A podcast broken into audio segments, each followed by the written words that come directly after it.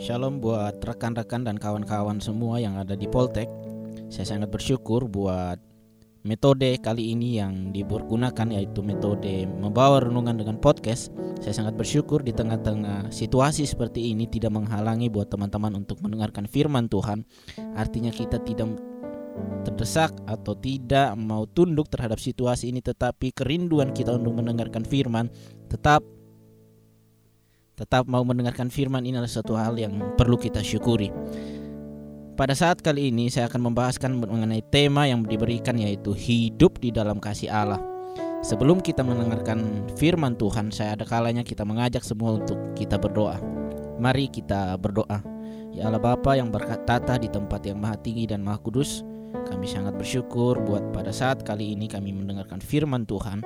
Tuhan, curahkanlah kasih-Mu kepada kami, biarlah hati kami seperti tanah yang subur, yang tidak hanya mendengarkan firman, tetapi firman itu boleh menetap di dalam hati kami, berakar, bertumbuh, dan berbuah di dalam Kristus.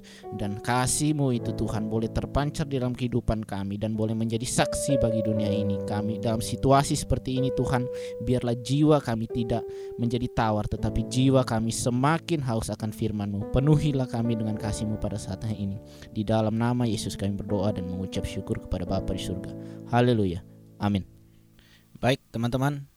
Saya mengajak teman-teman semua membuka daripada 1 Yohanes pasal yang keempat ayatnya yang ketujuh sampai dengan pasal yang kelima ayatnya yang ketiga. Sekali lagi saya mengajak teman-teman untuk membuka daripada kitab 1 Yohanes pasal yang keempat ayatnya yang ketujuh sampai pasal yang kelima ayatnya yang ketiga. Jika lu sudah membukanya, saya akan mengajak teman-teman dan saya akan membacakan bagi teman-teman semua. Dengan perikop Allah adalah kasih. Saudara-saudaraku yang kekasih, marilah kita saling mengasihi sebab kasih itu berasal dari Allah. Dan setiap orang yang mengasihi lahir dari Allah dan mengenal Allah. Barang siapa tidak mengasihi, ia tidak mengenal Allah, sebab Allah adalah kasih. Dalam hal inilah kasih Allah dinyatakan di tengah-tengah kita, yaitu bahwa Allah telah mengutus anaknya yang tunggal ke dalam dunia supaya kita hidup olehnya. Inilah kasih Allah itu, bukan kita yang telah mengasihi Allah, tetapi Allah yang telah mengasihi kita dan yang telah mengutus anaknya sebagai pendamaian bagi dosa-dosa kita. Saudara-saudaraku yang kekasih, jikalau Allah sedemikian mengasihi kita, maka haruslah kita juga saling mengasihi. Tidak ada seorang pun yang pernah melihat Allah. Jika kita saling mengasihi, Allah tetap di dalam kita dan kasihnya yang sempurna di dalam kita. Demikianlah kita ketahui bahwa kita tetap berada di dalam Allah dan dia di dalam kita. Ia telah mengaruniakan kita mendapat bagian dalam rohnya. Dan kami telah melihat dan bersaksi bahwa Bapa telah mengutus anaknya menjadi juru selamat dunia. Barang siapa mengaku bahwa Yesus adalah anak Allah, Allah tetap berada di dalam dia dan dia di dalam Allah. Kita telah mengenal dan telah percaya akan kasih Allah kepada kita. Allah adalah kasih dan barang siapa tetap berada di dalam kasih, ia tetap berada di dalam Allah dan Allah di dalam dia. Dalam hal inilah kasih Allah sempurna di dalam kita, yaitu jika kalau kita meng mempunyai keberanian percaya pada hari penghakiman karena sama seperti dia kita juga ada di dalam dunia ini. Di dalam kasih tidak ada ketakutan. Kasih yang sempurna melenyapkan ketakutan sebab ketakutan mengandung hukuman dan barang siapa takut ia tidak sempurna di dalam kasih. Kita mengasihi karena Allah lebih dahulu mengasihi kita. Jikalau seorang berkata, "Aku mengasihi Allah," dan ia membenci saudaranya, maka ia adalah pendusta. Karena barang siapa tidak mengasihi saudaranya yang dilihatnya, tidak mungkin mengasihi Allah yang tidak dilihatnya. Dan perintah ini kita terima dari dia. Barang siapa mengasihi Allah Ia harus juga mengasihi saudaranya. Setiap orang yang percaya bahwa Yesus adalah Kristus Lahir dari Allah Dan setiap orang yang mengasihi dia yang melahirkan Mengasihi juga dia yang lahir daripadanya Inilah tandanya bahwa kita mengasihi anak-anak Allah, yaitu apabila kita mengasihi Allah serta melakukan perintah-perintahnya. Sebab inilah kasih kepada Allah, yaitu bahwa kita menuruti perintah-perintahnya. Perintah-perintahnya itu tidak berat.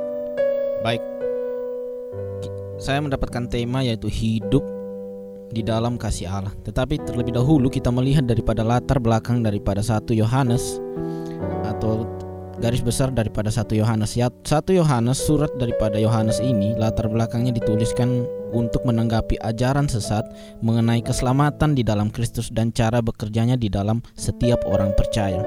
Jadi ajaran-ajaran tersebut memutarbalikkan Injil mengenai bagaimana mereka bisa mengetahui bahwa mereka mempunyai hidup yang kekal. Sehingga pada konteks pada zaman itu bahwa orang-orang jemaat, jemaat-jemaat pada saat itu merasa bimbang apakah mereka mempunyai hidup kekal atau tidak. Apakah mereka ini sudah mempunyai jaminan hidup kekal atau tidak karena adanya pengajaran-pengajaran yang menyeleweng daripada ajaran Injil. Nah, di dalam memberitakan ciri-ciri orang yang mempunyai hidup yang kekal, Yohanes sendiri memberikan ciri-ciri persekutuan yang sejati dengan Allah dan ciri dan bagaimana kita menguji iman orang percaya itu apakah dia mempunyai hidup yang kekal atau tidak. Yang pertama, ujian yang diberikan kepada jemaat pada saat itu adalah ujian kebenaran rasuli mengenai Kristus. Yang kedua ialah ujian iman yang taat kepada perintah Kristus. Yang ketiga ialah ujian hidup yang kudus yaitu berbalik dari dosa kepada persekutuan dengan Allah. Yang keempat, ujian kasih akan Allah dan sesama orang percaya. Dan yang kelima ialah ujian kesaksian roh. Nah, pada saat kali ini kita akan membahas secara khusus mengenai ujian akan kasih akan Allah dan sesama orang percaya. Apalagi konteks daripada tema kita yaitu hidup di dalam kasih Allah. Tetapi sebelum kita melihat bagaimana atau seperti apa orang-orang yang hidup di dalam kasih Allah, terlebih dahulu bahwa kita melihat apa itu kasih. Seperti apa itu kasih? Bagaimana kasih itu dinyatakan? Itu seperti itu yang terlebih dahulu akan kita membahas di dalam satu di dalam satu Yohanes 4 ayatnya yang ayatnya yang ketujuh sampai yang kepada ayatnya yang ke-10 itu memberitakan bahwa Allah sejatinya adalah kasih. Allah itu karakternya adalah kasih sehingga sama seperti matahari yang sifatnya mencahayakan atau memberikan sinar kepada semua ciptaan di dalam dunia ini. Begitu juga Allah. Allah adalah kasih sehingga tidak bisa Allah tidak mengasihi kepada siapa pun ia mengasihi. Di dalam situasi seperti ini, di dalam situasi corona, di dalam situasi kita menghadapi penderitaan, di dalam sakit penyakit yang sedang dialami saat ini, banyak orang bertanya, Allah itu kasih. Kalau Allah itu kasih, mengapa saya mengalami penderitaan? Kalau Allah itu kasih, mengapa saya mengalami sakit penyakit? Selalu bertanya-tanya mengenai Allah itu kasih. Sebenarnya simpel saja kalau menjadi saya. Saya mempertanyakan balik, jikalau Allah jikalau Allah bukan kasih, mengapa dia masih membiarkan kita hidup pada saat ini? Jikalau Allah bukan kasih, mengapa dia mengizinkan orang berdosa masuk ke dalam surga? Jikalau Allah bukan kasih, mengapa dia rela membiarkan anaknya yang tunggal mati di atas kayu salib demi pendamaian akan dosa-dosa kita? Di sini kita melihat bahwa Allah tidak bisa tidak mengasihi setiap umat manusia karena apa? Allah sendiri adalah kasih. Satu seorang petani me, membuat patok arah mata angin di, sebuah sawahnya dan di dalam patok itu arah kepada arah mata angin itu dia menulis Allah adalah kasih sehingga pada saat satu hari sebuah pelancong datang melihat saat arah angin men, memutarbalikkan arah patok arah angin tersebut, sang pelancong bertanya kepada para kepada petani, "Mengapa Anda membuat seperti ini? Apakah Anda merasa bahwa kasih Allah itu dipengaruhi oleh angin?" Tetapi petani tersebut menggeleng dan berkata bahwa tidak, yang ingin aku katakan adalah ke mana pun arah angin, mau terbang ke mana pun, ke mana arah angin, Allah tetaplah kasih.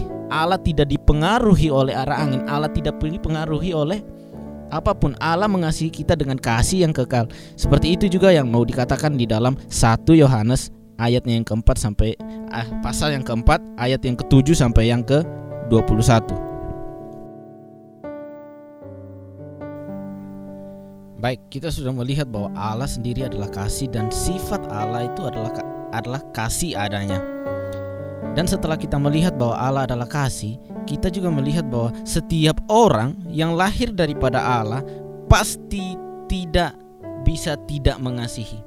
karakter yang paling menonjol, karakter karakter yang paling membedakan antara kekristenan dengan agama-agama yang lain adalah kasih adanya. Banyak banyak kasih yang diajarkan agama-agama lain. Agama-agama lain pun mengajarkan kasih, tetapi kasih yang diajarkan kekristenan ada ada ada bedanya. Kasih yang diajarkan kekristenan adalah Allah sendiri yang mengasihi kita terlebih dahulu, barulah kita bisa mengasihi Allah. Di luar sana, orang selalu mengajarkan bagaimana kita mengasihi Allah, kasih Allah, kasih pemberian, kasih berusaha mengasihi Allah sehingga Allah mengasihi kita. Kita membujuk Allah mengasihi kita. Tetapi di kekristenan kita belajar yang berbeda bahwa Allah terlebih dahulu mengasihi kita. Pada saat apa? Pada saat kita masih berdosa.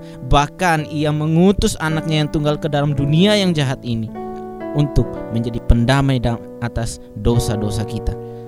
Apalagi jika kita melihat bahwa setiap orang di, diciptakan seturut gambar dan rupa dengan Allah sehingga tidak mungkin tidak manusia pun ada sifat kasihnya. Tetapi oleh karena dosa dosa merusak semuanya itu. Sehingga pada akhirnya Allah harus mengutus anaknya yang tunggal untuk kita boleh mengalami pembaharuan yang baru di dalam Kristus. Sehingga kasih itu kita dapat melihat hanya ada di dalam Kristus. Kasih Allah yang sempurna kasih Allah yang sejati hanya ada pada saat kita melihat anaknya yang tunggal di atas kayu salib setiap orang yang sudah lahir baru di dalam Kristus akan menyatakan bahwa ia adalah anak-anak Allah melalui sifatnya yang saling mengasihi. Tidak mungkin orang yang sudah diselamatkan tidak mengasihi. Sehingga apa? Saat kita melihat kasih adalah apa? Kasih adalah identitas kita sebagai orang Kristen. Jadi orang yang mengasihi sesamanya merupakan tanda bahwa ia sudah pindah daripada maut ke dalam hidup. Itu tercantum di dalam apa? Di 1 Yohanes 3 ayat yang ke-14 dan sikap saling mengasihi merupakan tanda bahwa seorang mempunyai persekutuan yang baru dengan Allah di dalam Kristus. Sebagai orang yang sudah lahir dari Allah, seharusnya kita pun menunjukkan buktinya melalui kita saling mengasihi. Kasih merupakan identitas setiap orang yang berasal dari Allah. Kita semua walaupun berada di dalam suku yang berbeda-beda, mempunyai ras yang berbeda-beda, banyak perbedaan, tetapi kita disatukan di dalam satu kasih Allah karena Allah sendiri yang mengasihi kita terlebih dahulu, maka kita pun harus mengasihi sesama kita. Setelah kita melihat bahwa Allah adalah kasih dan setiap orang yang lahir daripada Allah pasti mengasihi sesamanya. Sekarang saya boleh menarik beberapa poin bagaimana ciri-ciri orang yang hidup di dalam kasih Allah, ciri-ciri orang yang tinggal dan menetap di dalam kasih Allah. Baik di dalam perenungan saya sendiri, saya melihat bahwa ada tiga poin yang secara khusus saya dapatkan daripada penggalian atau perenungan firman Tuhan yang saya lakukan. Poin pertama adalah setiap orang yang tetap berada di dalam kasih Allah, maka ia berada tetap di dalam Allah dan Allah di dalam dia. Artinya apa? Orang yang berada di dalam kasih Allah selalu merindukan dan menantikan persekutuan kasih dengan Allah itu sendiri yang adalah kasih. Dia selalu merindukan adanya persekutuan hari demi hari. Dia tidak mau melewatkan saat teduh. Dia tidak mau melewatkan adanya persekutuan. Dia tidak mau melewatkan adanya KTB. Dia tidak mau melewatkan ada PA dan segala macam. Dia selalu mengambil kesempatan untuk merasakan kasih Allah itu. Dia selalu mengambil kesempatan untuk merasakan dan menikmati kasih itu dan kasih yang dialami, kasih Allah yang dia alami di dalam kehidupannya itu menjadi dasar bagaimana dia mengasihi mengasihi sesamanya. Berelasi dengan Allah, berhubungan dengan Allah merupakan hal yang paling dikejar oleh orang-orang yang ingin tinggal di dalam kasih Allah. Merupakan hal yang paling dituntut bagi setiap orang yang mau hidup di dalam kasih Allah mereka menuntut untuk mempunyai waktu menyendiri bersama dengan Allah. Mereka menyiapkan waktu untuk mereka boleh merenungkan hidup mereka bersama-sama dengan Allah, merupakan hal yang paling mereka inginkan. Semakin intimnya, semakin mesranya hubungan mereka dengan Allah merupakan hal yang paling mereka perjuangkan seumur hidup mereka mengenal Allah dan mengalami persekutuan dengan kasihnya merupakan hal yang paling mereka kejar hari demi hari.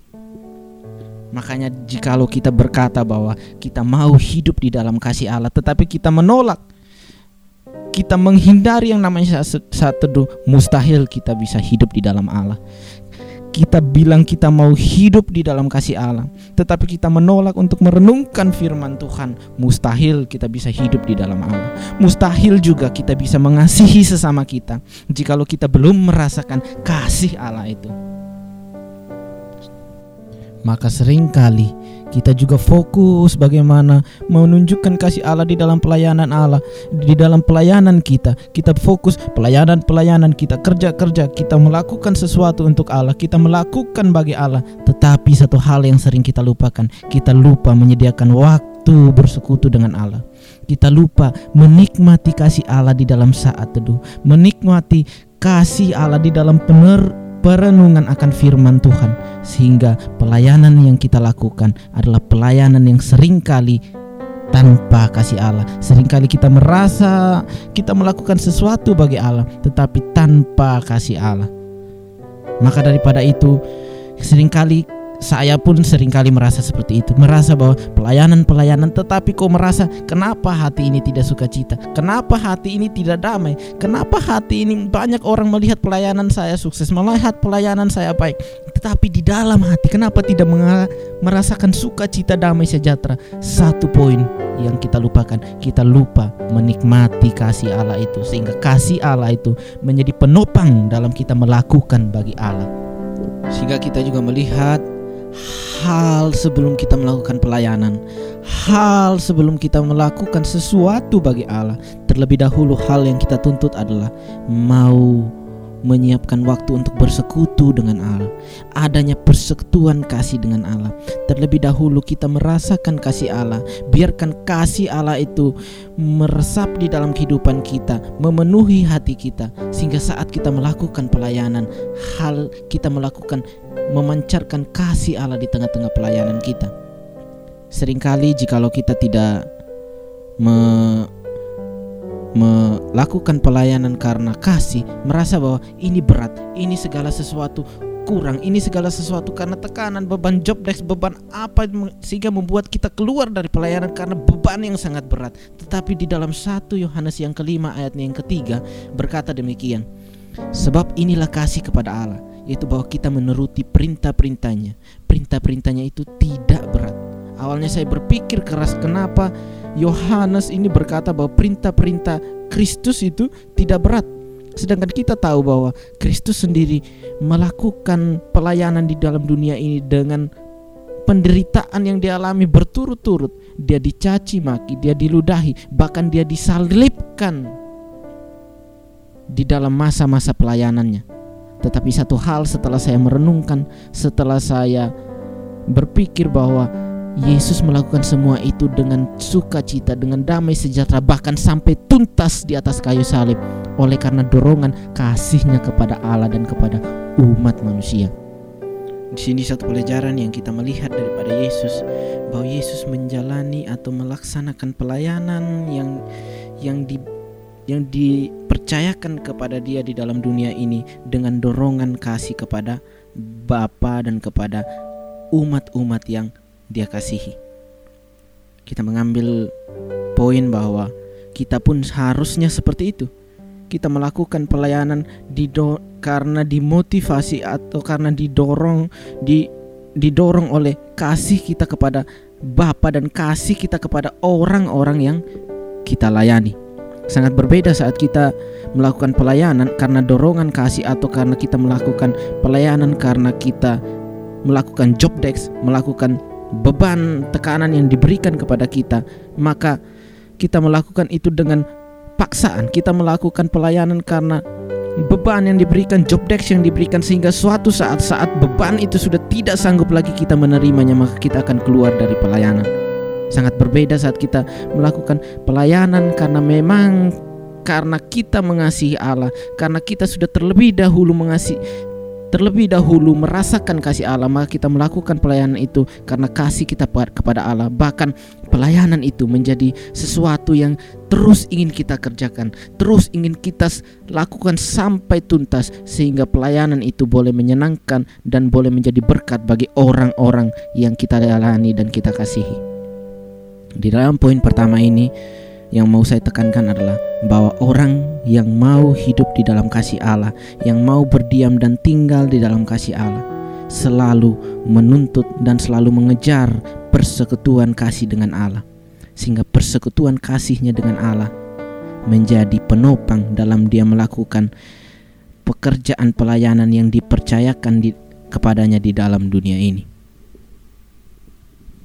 Poin kedua yang boleh kita yang boleh saya dapatkan dan saya mau bagikan kepada teman-teman semua yang mendengar ini.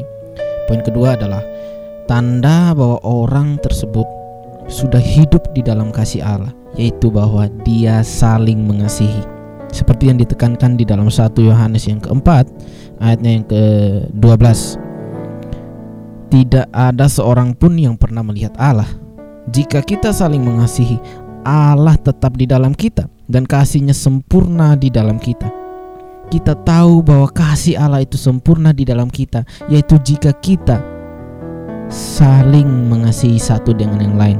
Sangat mustahil saat kita bilang kita mengasihi Allah tetapi dalam kehidupan kita kita saling membenci, kita saling menghifitnah, kita saling mencaci maki satu dengan yang lain. Banyak saya melihat di dalam gereja, di dalam pelayanan bilang bahwa saya melayani Tuhan, saya melakukan ini bagi Tuhan, tetapi hari-hari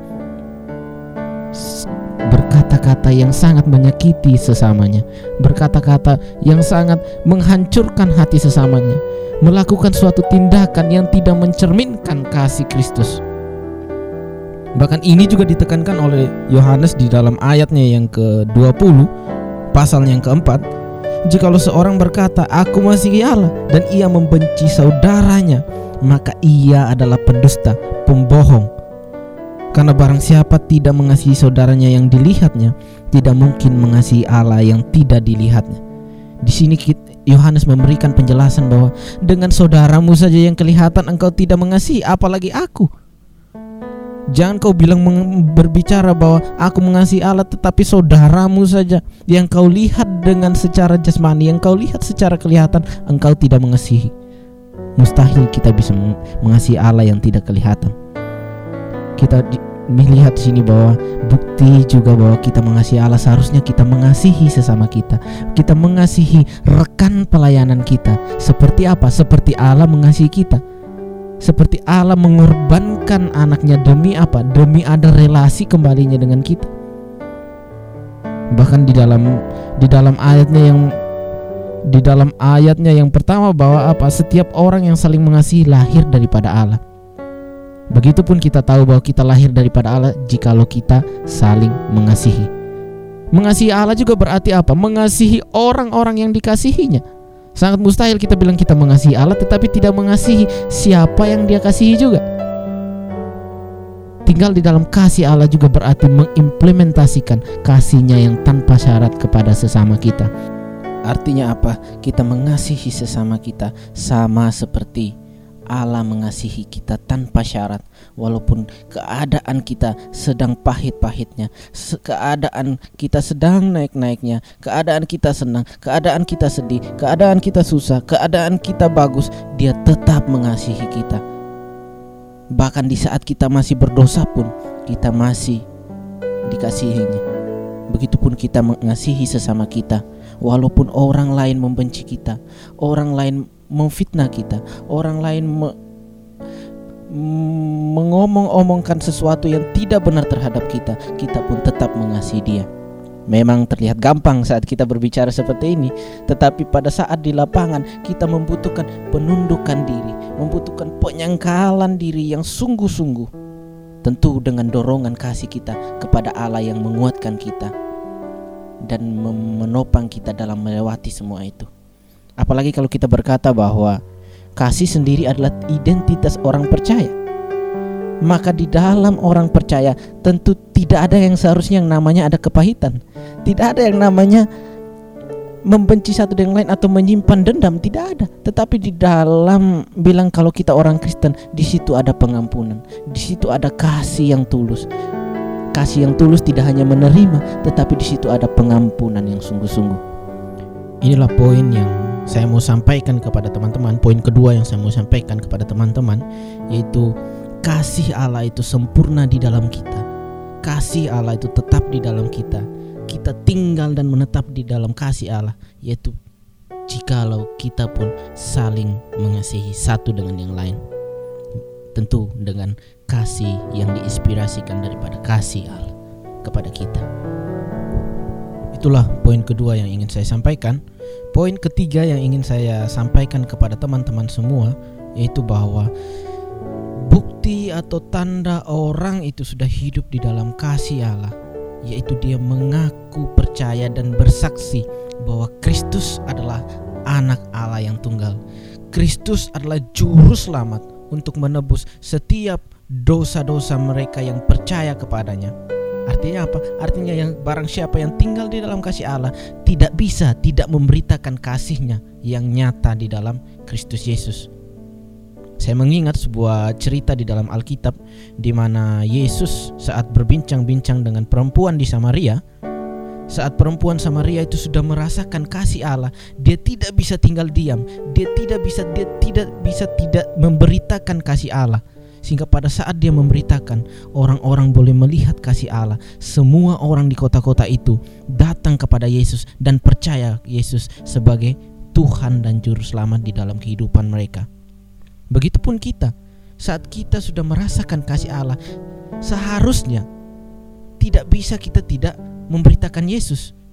Perempuan Samaria sebelumnya dia hanya merasakan kasih Allah. Dia tidak pernah mengikuti training, dia tidak pernah mengikuti eh, seminar-seminar uh, mengenai bagaimana penginjilan, bagaimana pemuritan, tetapi dia cukup merasakan kasih Allah. Itu cukup dia memberitakan kasih Allah di tengah-tengah dunia.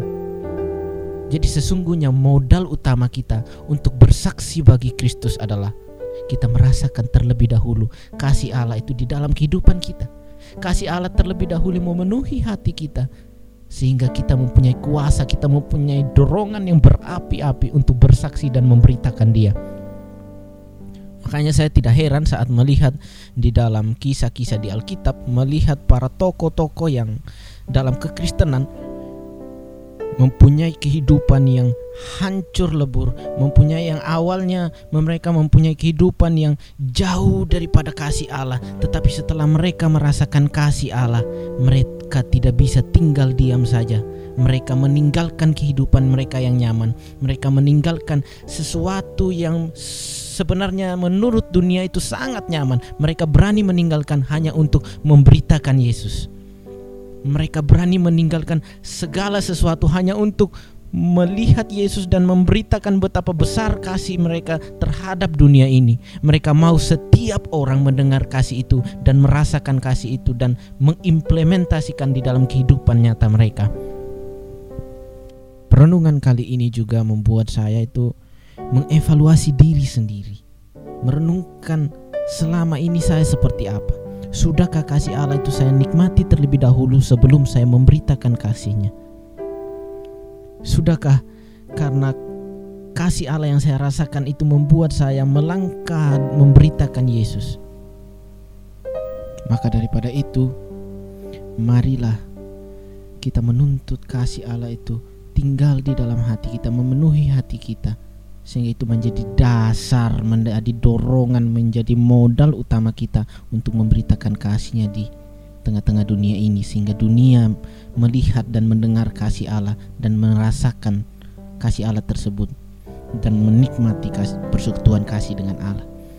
Inilah ketiga poin yang ingin saya sampaikan kepada teman-teman semua yaitu bagaimana hidup di dalam kasih Allah berarti juga hidup merindukan persekutuan dengan Dia. Hidup di dalam kasih Allah, yaitu hidup dengan saling mengasihi satu dengan yang lain dengan dasar kasih Allah kepada manusia berdosa. Hidup di dalam kasih Allah juga, yaitu hidup tidak tinggal diam, tetapi hidup untuk memberitakan kasih Allah di tengah-tengah dunia ini. Melalui perenungan kali ini, melalui firman yang diberitakan kali ini, ini juga boleh menantang kita. Sudahkah kita memiliki dan merasakan kasih Allah tersebut? Sudahkah kasih Allah menjadi motivasi dasar kita dalam melakukan pelayanan bagi Dia? Jika belum sepenuhnya kita merasakan kasih itu, jika belum sepenuhnya kita benar-benar datang menikmati persekutuan dengan Dia, hari ini saat ini saat kita mendengarkan firman Tuhan Allah secara khusus memanggil kita untuk mengalami persekutuan kasih dengan dia sehingga persekutuan kasih dengan dia itu boleh menopang kita, boleh menginspirasikan kepada kita untuk boleh kita mengasihi sesama kita. Dan persekutuan persekutuan kasih kita dengan dia mendorong atau membuat kita semakin memberitakan dia di tengah-tengah dunia ini. Kiranya Allah yang adalah sumber kasih, kiranya Allah yang adalah kasih itu sendiri menolong dan memberkati kita dan memenuhi hati kita dengan kasih yang kekal sehingga kasih itu boleh kita pancarkan di dalam tengah-tengah dunia ini dan dunia boleh melihat kesaksian itu dan memuliakan Bapa di surga. Mari kita berdoa. Terpujilah Engkau Allah, sumber kasih. Oleh karena kasih mula Tuhan, kami boleh diselamatkan. Oleh karena kasih-Mu lah kami boleh kembali mempunyai persekutuan dengan Engkau. Kami boleh mempunyai relasi yang baru dengan Engkau. Siapakah kami Tuhan saat kami merasa layak mempunyai hubungan atau mempunyai relasi dengan Engkau? Semata-mata itu semua karena anugerahmu semata. Tuhan biarlah melalui firman yang telah kami dengar ini membuat kami semakin bersyukur dan semakin menuntut hidup kami untuk mempunyai relasi yang intim dan semakin mesra dengan Engkau. Biarlah kasih-Mu mendorong kami untuk semakin memberitakan Engkau di tengah-tengah dunia ini, untuk semakin melangkah, meninggalkan zona nyaman kami, untuk mengabarkan kasih Allah itu, yaitu Yesus Kristus yang telah mati untuk menebus setiap dosa orang yang telah percaya kepadanya. Terima kasih untuk hari ini Tuhan. Terima kasih untuk firman-Mu. Di dalam nama Tuhan Yesus Kristus, kami telah berdoa, kami bersyukur. Haleluya.